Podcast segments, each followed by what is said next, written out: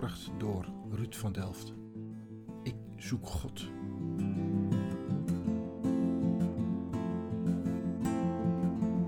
Ik dank mijn leven aan het ingrijpen van een Duitse boer. Hij sloot mijn vader namelijk op in de badkamer. Hallo? Hallo, is dat dining room? Ja? No, gaan. what, what do you want? Mr. van Delft. What? Mr. van Delft. Van okay, just one minute. Je hoort hier de stem van mijn vader.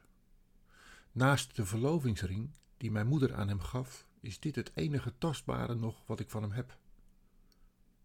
Hij droeg een bijzonder verhaal met zich mee wat ik graag met je deel.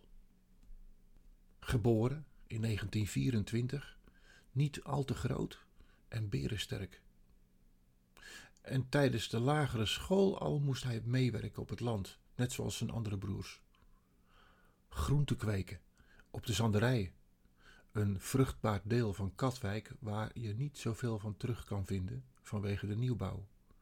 Maar ik garandeer je, de beste bloemkolen kwamen daar vandaan.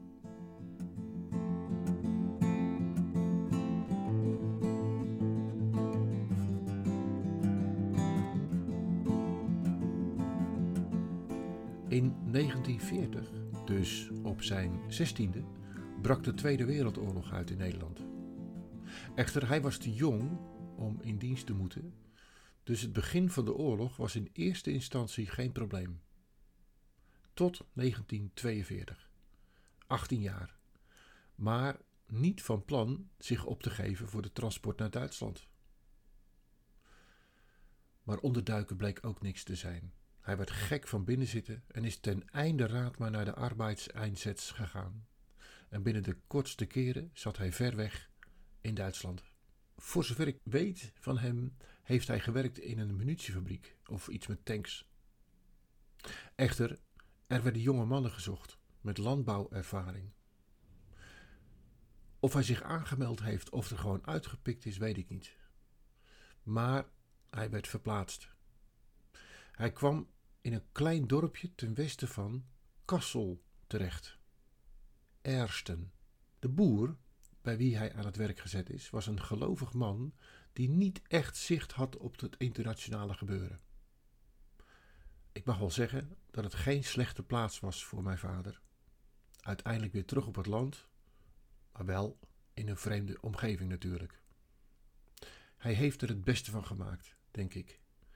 De verhalen waarmee hij thuis kwam, getuigden daar ook van. Hij was niet de enige Nederlander in die streek. Met een grote groep jonge mannen, verspreid over meerdere boerderijen, was regelmatig contact. En door het jaar heen ontstond de mogelijkheid om zelfs op vrijdagavond naar Kassel te gaan. Noem het stappen. Het was een voorrecht wat ze kregen en het zal er best gezellig aan toegegaan zijn, denk ik. Tot een vrijdag dat mijn vader van de boer te horen kreeg dat hij niet mee mocht naar Kassel.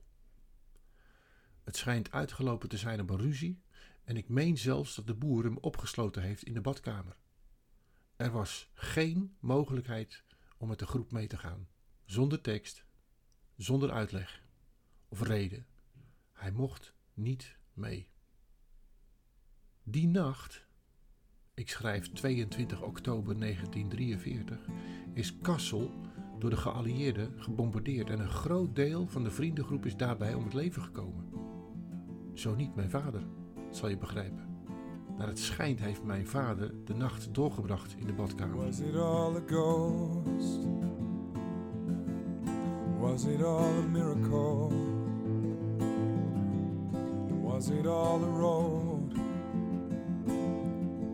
De volgende morgen heeft de boer de deur weer van het slot gehaald en met de schrik in zijn ogen verteld wat er die nacht had plaatsgevonden. Beiden ervoeren dat als een hemelse interventie en ze zullen mogelijk op hun knieën zijn gegaan om te danken. Tot mijn spijt heb ik mijn vader te weinig gevraagd naar die situatie, maar het verhaal koester ik wel. Per slot van rekening is het gevolg ook mijn bestaan.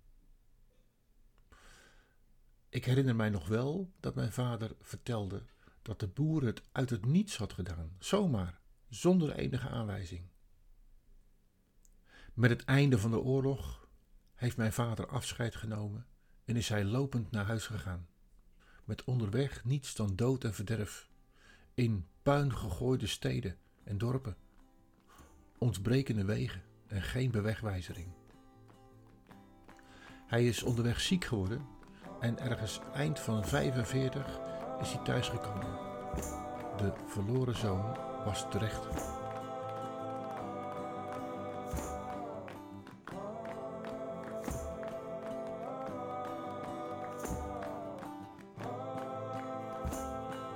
Na de oorlog is mijn vader nog vaak op de boerderij geweest. En telkens werd hij als een held binnengehaald in het dorp. Het waren de eerste perikelen om vrede te stichten. En de onderdrukte Nederlander stond symbool voor vergeving. En ieder jaar kwamen de journalisten van de plaatselijke krant langs om Rio te begroeten. Zo heet hij daar. Arelis, zo heet hij, maar daar was het Rio. Als kind ging ik tijdens de vakantie vaak mee naar de boerderij. Het was thuiskomen voor mijn vader. En de boer en mijn vader, ze waren als broers. Ik koester mooie herinneringen aan de boerderij, aan de uitstapjes naar Kassel en nog even gluren over het ijzeren gordijn. In 2005 ben ik met mijn vrouw en de kinderen naar Duitsland gegaan, op vakantie. En we hebben het dorpje bezocht, Ersten. Aan een groep ouderen heb ik gevraagd of ze Rio nog kenden. Geen moment van twijfel en een ruimhartig ja was het antwoord. Ze hebben me naar de boerderij verwezen en na een kort zoeken stonden we weer op de plek waar mijn pa de oorlog overleefde. Gods ingrijpen heeft als gevolg dat ik er ben en daar ben ik dankbaar voor. Mijn vader is van een generatie die ze ook wel de zwijgende generatie noemen. Werken en niet klagen, want Nederland moet worden opgebouwd. Alle zeilen bij. Het gevolg is dat er niet geleerd werd te praten, maar te werken. Het telefoongesprek waar je in het begin mijn vader hoorde, eindigde ook met mijn vader. Hij had dag schat willen zeggen, maar het lukte hem niet. Het werd dag knul. Jongen, van harte. En eh, verhalen doen we niet, we doen een paar lekker kortjes. Hier is je mama. Ja. En ik wens je nog fijne dagen toe. En hopelijk zien we elkaar op 28 december. Nou, je kan er rustig op rekenen. Hier is mama. Ja. Dag Knul. Dag, pa. Dag jongen. Dag. Hoi Rit. Hallo? Gefeliciteerd. Ik was 23 en zat in Israël met mijn verjaardag. Maar het mooiste cadeau is die ene letter. Ik hoor S.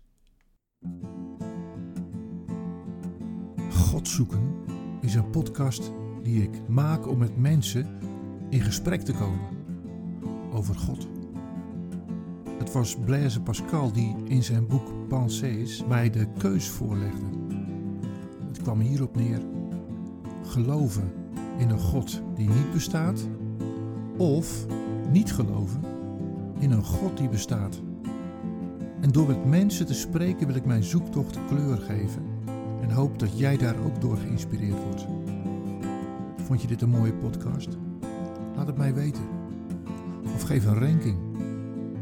Misschien heb je een tip of weet je iemand die ik zou kunnen interviewen. Laat vooral een reactie achter. Of je kunt mij mailen. Ruud van Delft